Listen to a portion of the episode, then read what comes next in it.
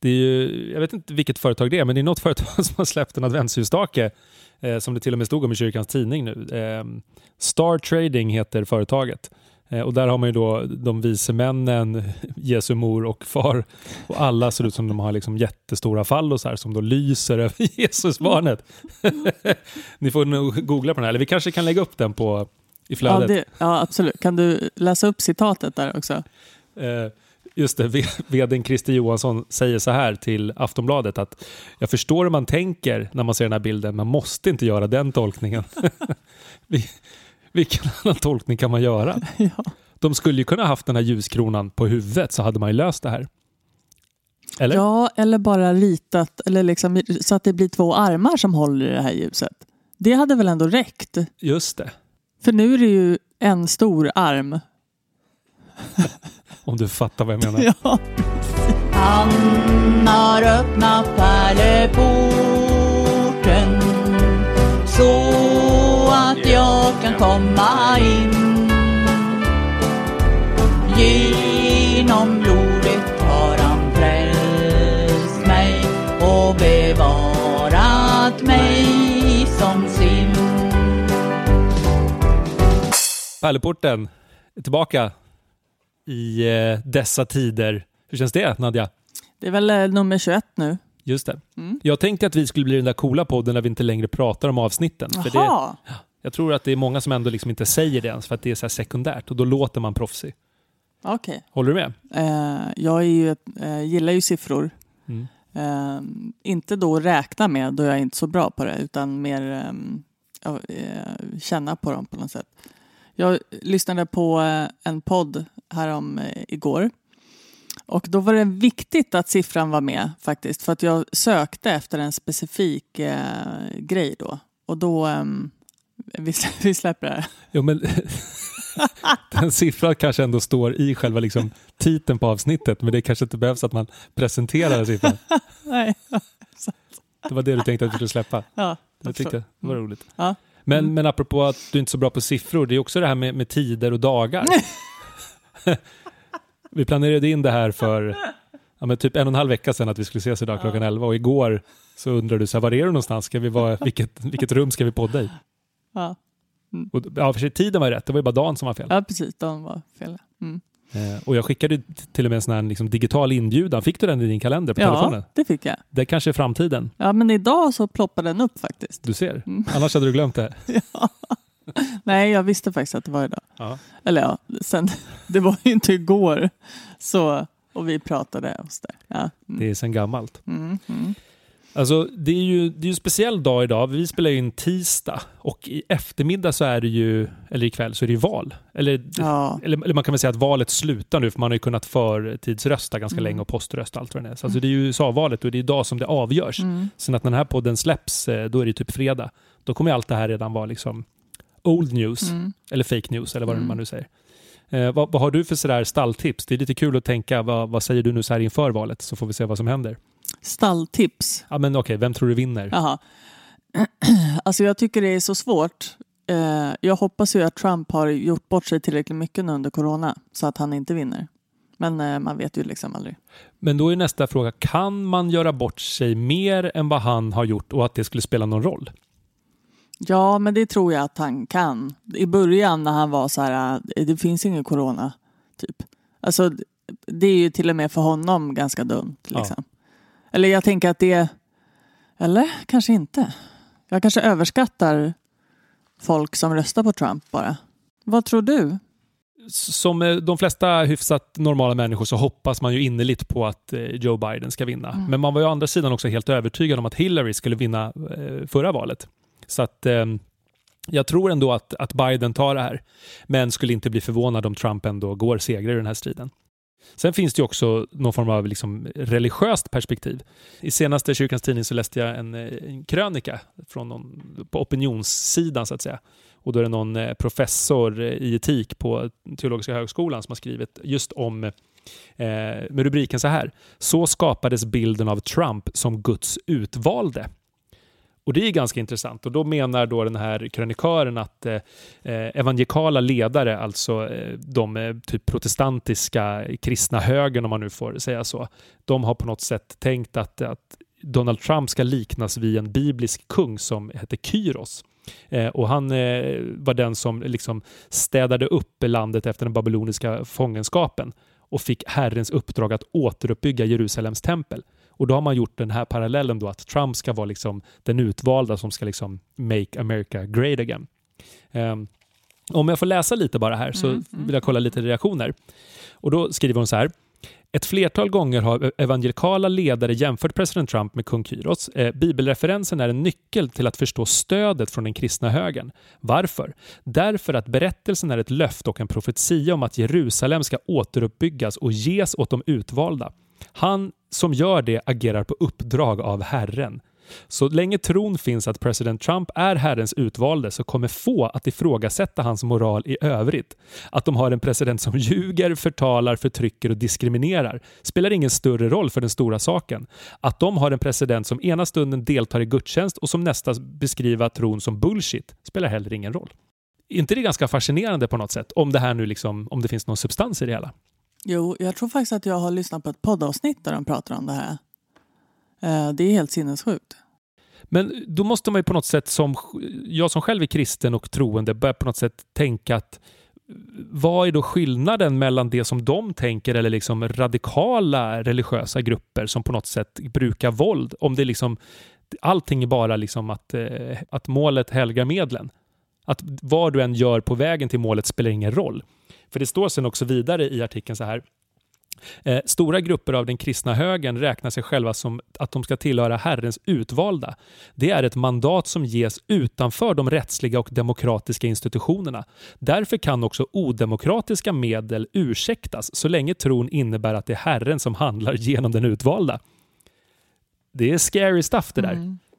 Ja, men verkligen ja, men just att som kristen så måste man ju på något sätt också ifrågasätta sina egna värderingar. Mm. Och läser man ändå liksom andemeningen, ordet som vi alla gillar, eh, det här med att allas eh, lika rätt på något sätt och att vi måste stå enade i kärleken, jada jada.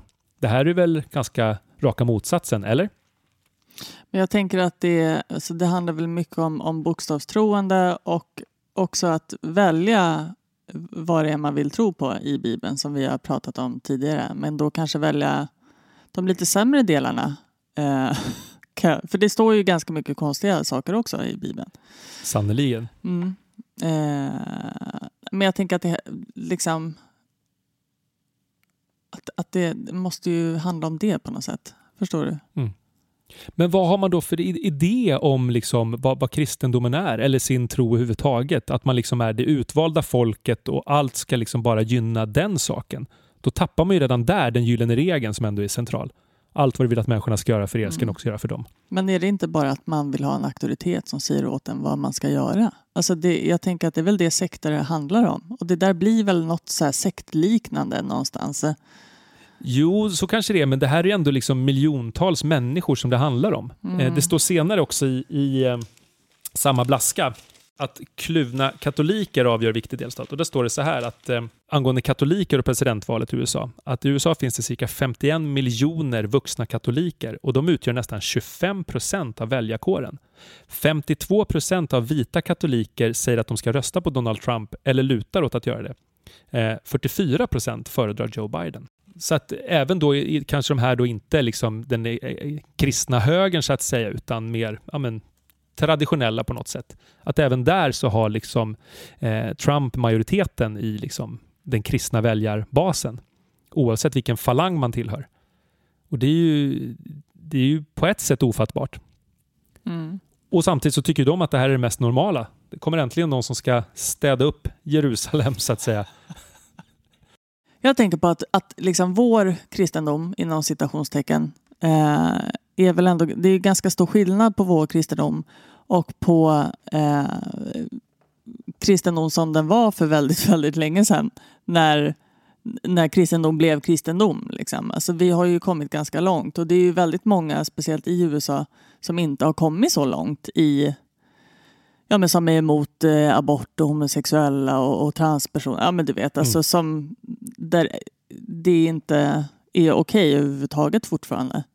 Och, och, och ens kvinnor kanske. Förstår du? Så att, alltså det, och, och där är ju Trump, där möter ju Trump dem väl ändå. I så här, ja, abort är piss. Och de kristna bara, ja, det har du rätt i. Det kör vi på. Jo, men det står ju också, ett av budorden är att man inte ska ljuga. Liksom. Man ska inte bära falsk vittnesbörd. Jag menar, han är ju en notorisk lögnare och det är ju på något sätt bekräftat. Eller så väljer man bara att liksom på med skygglapparna och så ignorerar man det. Men det var det här jag, han, den här podden jag lyssnade på pratade om. Eh, att nu är det total killgissning vill jag bara säga. Men det är så jag vi jobbar. Kom, eh, precis, jag kommer inte ihåg vad han sa.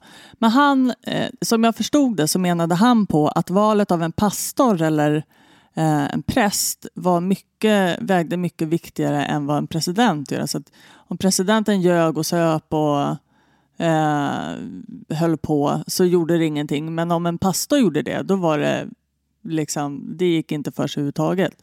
Så jag tänker att det kanske har någonting med det att göra också. Att, eh, att man väljer sin ledare på ett annat sätt inom vissa religiösa samfund. Ja, eller små communities då kanske. Ja. Ja, det är ju oavsett väldigt fascinerande. Mm. Så man skulle ju på något sätt vilja sätta sig in i den kontexten för att fatta vad det Mm. verkligen händer. Precis som folk som har en annan trosuppfattning eller tolkar saker på olika sätt, att man skulle verkligen vilja förstå. För att nu framstår ju allt bara som liksom dårskap på något sätt. När man bara kan vifta undan någonting och säga fake news eller liksom man behöver inte ha någonting som backar upp det, utan det räcker med att man sätter ner foten, om man ändå är president. Liksom.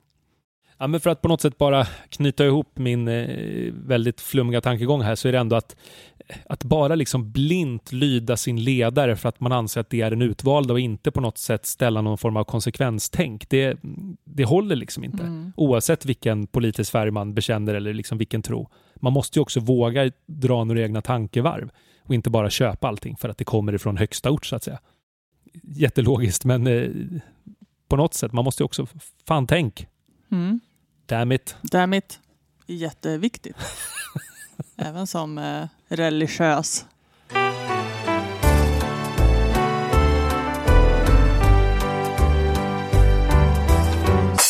Jag kom över ett eh, poddavsnitt från, oj gud vad heter Man, Mannheimer och Skäringer heter de va? Mm. Eh, det är två, eh, Mia Skäringer vet jag vem det är. Hon andra vet jag inte vem det är. Någon skådis kanske? Mycket möjligt. Mm. Jag vet inte. Men det är väl det är en ganska rolig podd. De sitter och pratar. Oj, häpnadsväckande. Ja. Men Who would have thought? ja, det som var väldigt intressant med just det här eh, inlägget, inlägg, avsnittet heter det kanske när man pratar om podd, det var att de började prata om konfirmation. De tyckte det var väldigt konstigt att vi idag konfirmerar våra ungdomar, eller att nästan alla ungdomar konfirmerar sig i Sverige som är så sekulariserat. Vi som aldrig går i kyrkan och gifter oss och skiljer oss och firar kalanka Disney-jul istället för Jesus-jul. Ja, men du vet. De tog upp ganska här, vad heter det, exempel på ett okristet liv som jag tyckte var lite spännande. Exempel på ett okristet liv. Eller ett sekulariserat liv. Mm. Det här går aldrig, det, de jag precis läste upp. Men att konfirmera sig är nästan lika liksom, självklart som att ta körkort typ för kidsen. Förstår du? Att det är så här, oh, du ska någon gång konfirmera dig och sen ska du ta studenten och sen ska du ta körkort och så får du handla på systemet. Du vet. Um, och det, det här tyckte de var väldigt konstigt. Men det jag tyckte var spännande med just det här är beskrivningen av den här eh, konfirmationen. Vad det liksom var som, som eh, de tyckte att konfirmation var. Jag tror att det var väldigt länge sedan de här två konfirmerade sig. För att det lät lite som det. Gå och lära sig Bibeln och Guds ord var en grej som de sa att konfirmander får lära sig. De sa också att konfirmationen är till för de som är kristna. Vilket de i och för sig rättade sen efteråt. Eh, de ifrågasatte varför vi eh, behövde lära oss så mycket om Bibeln. Ehm, det kändes som att de inte hade blivit, eller det var länge sedan de konfirmerade sig helt enkelt. Däremot, de hade, eh, skulle då skapa sitt egna humanistläger som alla ungdomar eh, oavsett religionstillhörighet skulle då få gå. Och den här eh, lägret skulle innehålla, du skulle lära dig om sexualitet, känslor, eh, konfliktlösning, samtycke, respekt, dålig självkänsla, kroppsuppfattning, hur man byter toalettrulle och hjälper mamma att städa. Det var liksom deras läger. Och jag, tänker, jag tänkte bara fråga dig Johan som faktiskt jobbar med eh, det här. Att vad gör ni på er konfirmation? Vad är det ni lär er? Eh, och eh, kan du känna igen dig i det här första som jag läste om? Och eh, hur låter det här andra? Det var, det var många, Många frågor. Många frågor. Ja. Jag kan börja så här. Jag har ju faktiskt också lyssnat. Du skickade ju det här Mm. som ett tips typ igår kväll eller någonting. Så jag lyssnade faktiskt nu på, på förmiddagen också på det här. Eh, och bara om man ska vara lite sådär eh, lite liksom, faktapelle så, så kan man ju säga att de hävdar ju att, att alla konfirmeras och så är det ju inte. Det är ungefär en, en fjärdedel av alla tonåringar som väljer att bli konfirmerade. Typ 24 procent eller någonting var det 2018. Jag har varit inne på statistik.svenskakyrkan.se. Bara en sån sak. Eh, så att eh, de har ju lite som vi brukar killgissat sig fram till ganska många grejer. För att eh, eh, om man ska börja i den bilden som de ger, för att det är ju ena sidan att de berättar ju om en svinstel bild, liksom att bibelskola var ett av de orden som de nämnde och liksom att sen ska man ta den slutgiltiga konfirmationen. För att så här har det inte sett ut på kanske 30 år eller någonting. Utan konfirmationen är ju någonting helt annat. Men å andra sidan, hon sa ju också det på slutet att hennes dotter har ju själv blivit konfirmerad. Och då sa hon ju ord, men det var en modern präst, eh, de eh, översatte Bibeln till deras liv. Så att hon på något sätt, de sa emot sig själva. Liksom. Att å ena sidan gav de den här stela bilden, men å andra sidan så hennes dotters konfirmation var tydligen jättebra. Så att det, det höll inte riktigt hela vägen om man ska vara krass så. Eh, och sen också det här humanistiska konfirmationskonceptet, det finns ju redan. Alltså humanisterna har ju haft humanistkonfirmation ganska länge. Alltså humanisterna, den här organisationen. Känner du till dem? Nej, nej, nej. Kan du berätta mer? Alltså gå in på humanisterna.se. Det här har ju varit en stor snackis rätt länge för att man tycker att precis det de pratar om eh, har man ju pratat om, som sagt, när nu humanisterna skapades. Och de har ju motsvarande, som de då hävdar, konfirmation fast på humanistiska grunder. Där man gör samma sak ungefär som på våran konfirmation fast utan då Jesus. Tänker de. Men eh, du ställde frågan om vad man gör på, under sin konfatid. Det som de vill ta upp eh, på, på deras läger, jag har fått bilden av att det är lite det ni tar upp på ert läger. Att det är lite samma sak. Liksom. Just det. Nej, men så är det. För att konfirmationstiden är ju eh, över lite längre tid. Det är ju inte bara ett läger och sen är det klart. Och, utan ofta har man ju förträffar och det brukar pågå ungefär sex månader. Det finns ju någon slags eh, riktlinje för hur många träffar man ska ha, hur många timmar det ska vara och vad det ska innehålla på ett ungefär. Och sen är det ju precis som det du och de beskriver. Vi pratar ju om livet utifrån var de står någonstans. Eh, och eh, såklart pratar vi ju också om, om om andligheten och om våran religion, för det ingår ju på något sätt. Men primärt så handlar det om livsfrågor, de så kallade existentiella frågorna. Meningen med mitt liv och vad händer liksom efter det här livet och varför är jag satt här och nu så att säga. Och pratar om det du pratar också om, självkänsla, eh, människans eget värde och att få dem att förstå att de liksom är älskade och sedda utifrån vem de är och inte utifrån deras prestationer. För så är det ju till exempel här i Nacka där vi jobbar. Det är ju superhöga krav på de här ungdomarna. De kämpar svinhårt i skolan och så får de komma hit och få andas lite och få prata om någonting helt annat och liksom få förhoppningsvis förstå att de, de duger precis som de, de är. Och sen så får de ett härligt läge där man också får fördjupa relationerna till sig själva eh, och eh, till, till tänket att liksom jobba med sin egen självbild. Då. Vem är jag i liksom ett större sammanhang? Och vem är jag i förhållande till Gud? Så att liksom gudsaspekten kommer man ju såklart inte ifrån. Men den ska ju vara där, tänker jag, som jobbar med det här. Eh, och jag tänker också att anledningen till att så många ändå väljer att bli konfirmerade är för att vi, vi gör ju det här ganska bra. Det här är ju ändå en av de huvudgrejerna som vi gör i, i Svenska kyrkan. Eh, och det finns faktiskt statistik som visar att 9 av 10 de är jättenöjda med sin konfirmation. Och det är ju ändå ett rätt bra betyg. Så anledningen till att den här traditionen fortfarande är stark och att den drar så många är för att den är bra och den, den levererar. Låter det drygt att säga så? Nej, det tror jag inte. Nej, men hade det inte varit bra folk hade varit missnöjda, då hade ju ingen blivit konfirmerad. Nej. Här blir ju grupperna fulla direkt när vi släpper liksom anmälan på vår hemsida för att det finns ett snack och man vet att de som har konfirmerats innan har haft det jättebra, släktingar, syskon, kusiner och så vidare, kompisar. Och att det här är någonting som man vill uppleva. Och sen ska man inte sticka under stolen att det har ju, jag tror att det har jättemycket med själva lägerupplevelsen att göra också. Men då får man vara i en god gemenskap med förhoppningsvis sunda vuxna och man får liksom prata om livet utifrån många aspekter, inklusive den liksom andliga, vilken vi tycker är viktig. Och när man pratar om att vi är så sekulärt och visst, å ena sidan så kanske det stämmer, men å andra sidan så är vi typ 5,8 miljoner medlemmar i Svenska kyrkan, så så himla oandligt kan det inte vara. Och vi växer hela tiden. Det blir fler och fler konfirmander, både här i Nacka församling men också i andra församlingar. Så att någonting finns ju där, eller hur? Mm. Men eh, jag tänkte på en annan grej på era eh, konfaläger. Alltså, eh, kan du ge exempel? Alltså det, det första jag brukar göra i alla fall, vi är ju många olika pedagoger och präster som jobbar på olika sätt. En av mina go-to-övningar precis i början, det är det här fördomspasset som jag pratat om tidigare. Att eh, konfirmanden får tillsammans med en ungdomsledare delas in sig i mindre grupper och så ska de fylla ett papper med alla fördomar de har om kristna. Hur kristna ser ut, hur kristna liksom beter sig, vad de äter, vad tittar de på på en fredagkväll, har de ens Netflix, hur liksom tokiga är de så att säga. Eh, så det brukar vara första grejen för att lite avdramatisera det här ganska laddade begreppet vad det innebär att vara kristen eller att tro på Gud. Det är till exempel en grej. Eh, sen så brukar vi jobba med eh, eh, självbilden på något sätt. Man eh, utgår ifrån sig själv och då brukar de få en övning. Nämn tre egenskaper som de är nöjda med, att de lyfter fram någonting hos dem själva som de liksom kan skriva under. Det här är jag bra på. Och sen tre egenskaper som de också vill utveckla. Att man på något sätt kan försöka hitta något slags mål. Och sen kan man följa det här under konfirmationstiden också. För sen är tanken att när konfirmationstiden är slut, åtminstone i de grupperna jag brukar jobba med, så ska de få skriva eh, tre texter. Och De här texterna ska på något sätt bygga på det de har tagit med sig under konfatiden. Och Den ena texten är eh, Om Gud finns är Gud det här för mig.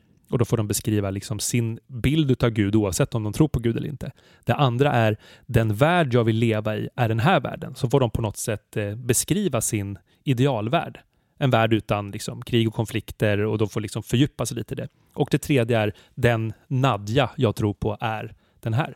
Att de får beskriva sig själv utifrån där de tycker att de är eller den de vill bli. Att de liksom får jobba med den självbilden, att liksom se hur de vill utvecklas som människor. Och så läser de upp någon av de här texterna sen i kyrkan under konfirmationen som en del av deras, det som förr hette redovisning men som nu kallas predikan. Mm. Mm. Och det är bara ett sätt att jobba. Sen kan man jobba också med drama, mycket med musik och så vidare. Men det, det brukar variera lite från vad gruppen tycker är härligt att göra. Vissa tycker det vill sjunga liksom hela konfirmationen, då gör man det. Andra vill spela massa teater, någon vill visa upp sina bilder de har målat och så vidare. Och i det här så gör vi mycket med teambuilding. Vi kör liksom eh, lekar som ska på något sätt stärka gruppens relation till varandra. Såklart namnövningar så att man ska få ett namn ganska tidigt i den här gruppen. Ehm, och sen så mycket frågeställningar till dem. Vi slänger ut några frågor så får de gå in i smågrupper och diskutera de här och sen förhoppningsvis eh, komma fram med någon form av tankar som de sen då berättar för varandra för att ytterligare trigga igång liksom, tankeverksamheten. Mm. Och det kan vara, vi brukar ha ett pass om medmänsklighet. Vi brukar ha ett pass som heter Rädda Världen-passet. Om de får välja ut tio konkreta saker som de där och då kan skriva under de vill göra för att göra världen lite bättre. Vad kan det vara? Och då ska det vara någonting som alla är överens om och som de kan börja med redan nu. Så att det inte bara blir teoretiskt utan man får också med sig lite praktiska grejer. Blir du sugen? Mm. Jättesugen faktiskt. ja, men det verkar jättespännande. Jo men det är det. Och sen så pratar jag även om eh, Skäringer och eh, Mannheimer, heter de så? Mannheimer tror jag det uttalas. Mannheimer. Men jag är inte säker då jag inte vet vem det är. Men de pratade också om det i podden att de tycker att det finns ju, man har ju valt att lägga konfirmationen i en speciell tid just kring de känsliga tonåren och det tror jag också att det är superstrategiskt för att mm. där och då har man också möjligheten att vara med att utveckla det här tänket. Eh, och, så att, och det tycker jag bara är någonting smart. Liksom.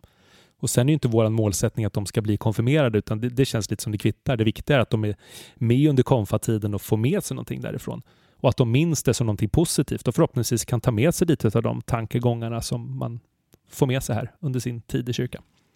Mm. Och sen är det jättemånga som väljer att fortsätta också. Liksom bli ungdomsledare på frivillig basis för att de tycker att det här var en bra, sund gemenskap och härlig plats att vara på. Liksom. Det är fint. Men det är ju inte ett eget mål heller, utan som sagt, det viktigaste för mig är att de får med sig någonting under den här resan och sen gör de vad de vill med det så att säga.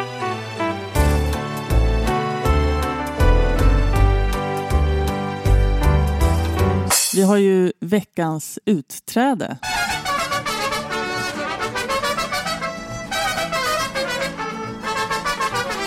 Varje, eh, vid varje utträde som vi får in i, i Nacka församling skickar vi ut en liten ehm, eh, undersökning eller folk får hem ett papper där de får fylla i hur länge de har bla bla bla. Mm.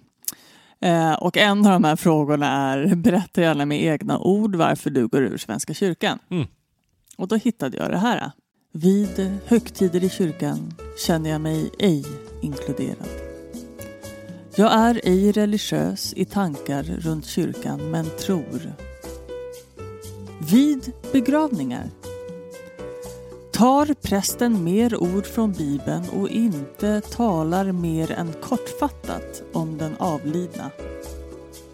Att vi i val av musik måste välja salmer. Det är vår avlidna vi välkomnar. Nej.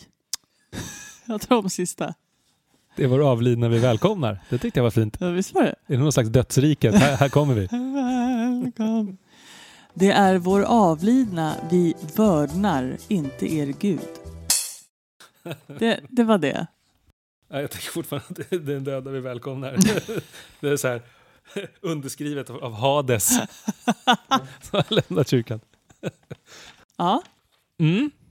Så att det var lite kritik här mot att eh, det, det är för mycket fokus kring liksom, ceremonin snarare än den avlidna.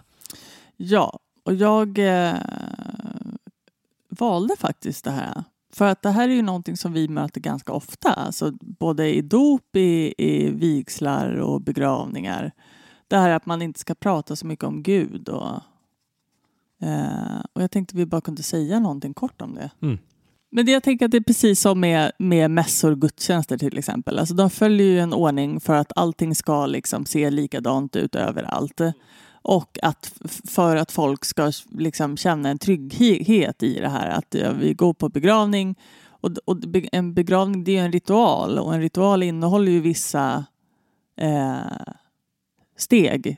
För annars så ser den ju inte likadan ut. Förstår du vad jag menar? Så om man liksom och det är väl därför det innehåller de här områdena som inte handlar om, om den avlidna. För att de måste vara med i den här ritualen för att, du vet. Mm.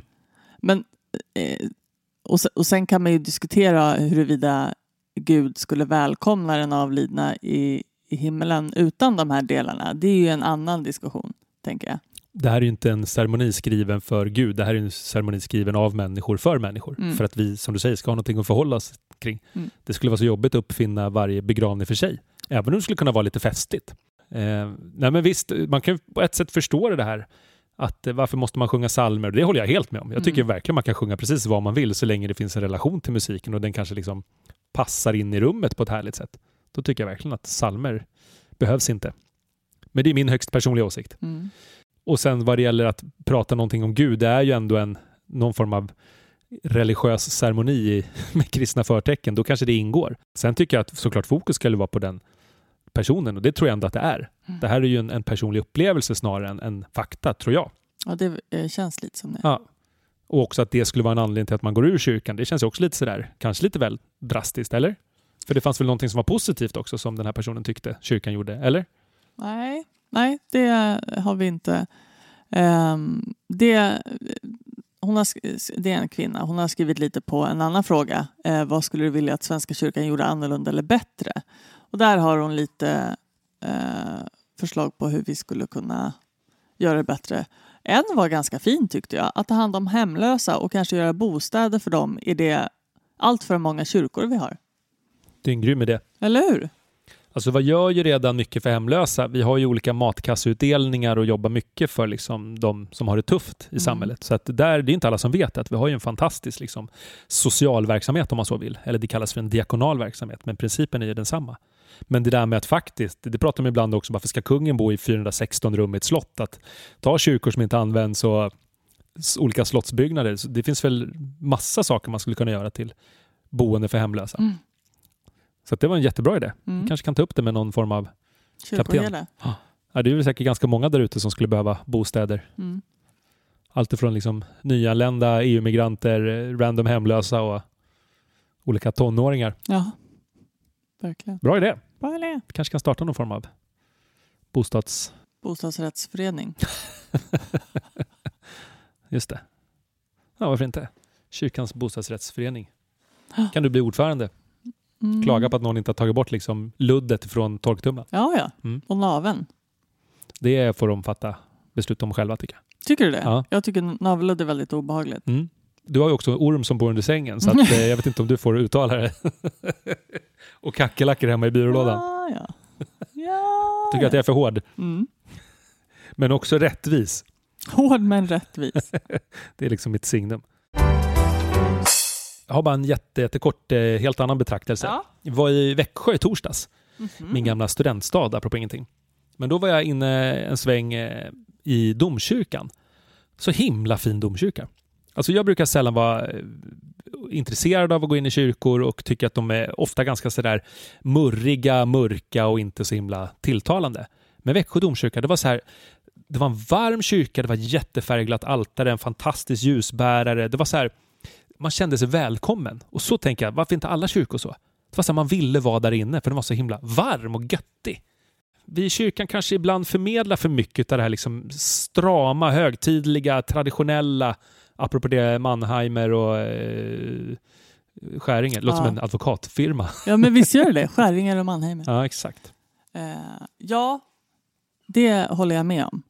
Jag var i eh, Värmdö kyrka Mm. i eh, lördags. Den är också väldigt mysig. Mm. Den är ju ljus och fräsch. Mm. Det är det. Jag gi- gillar när det är ljust och fräscht. Mm. Det är inte riktigt Nacka kyrka. Den är bra på andra sätt. Verkligen. Men eh, den är inte ljus och fräsch. Man kanske kan komma med tips.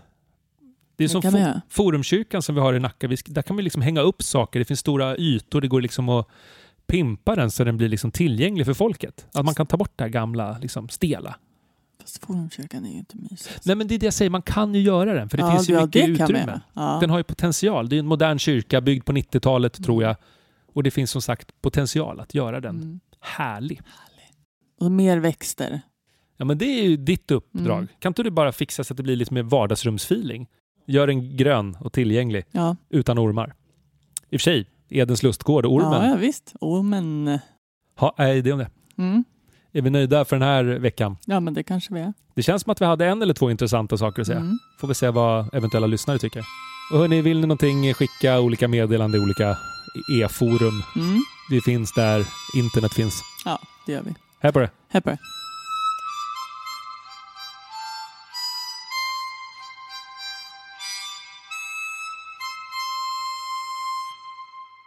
Man har ju uppfunnit någon form av AI som kan följa fotbollen i fotboll. Alltså en kamera som på något sätt automatiskt följer bollen så ska då inte kamerapersoner behöva stå och filma. då, bara att, då var det eh, en linjedomare som var flintskallig.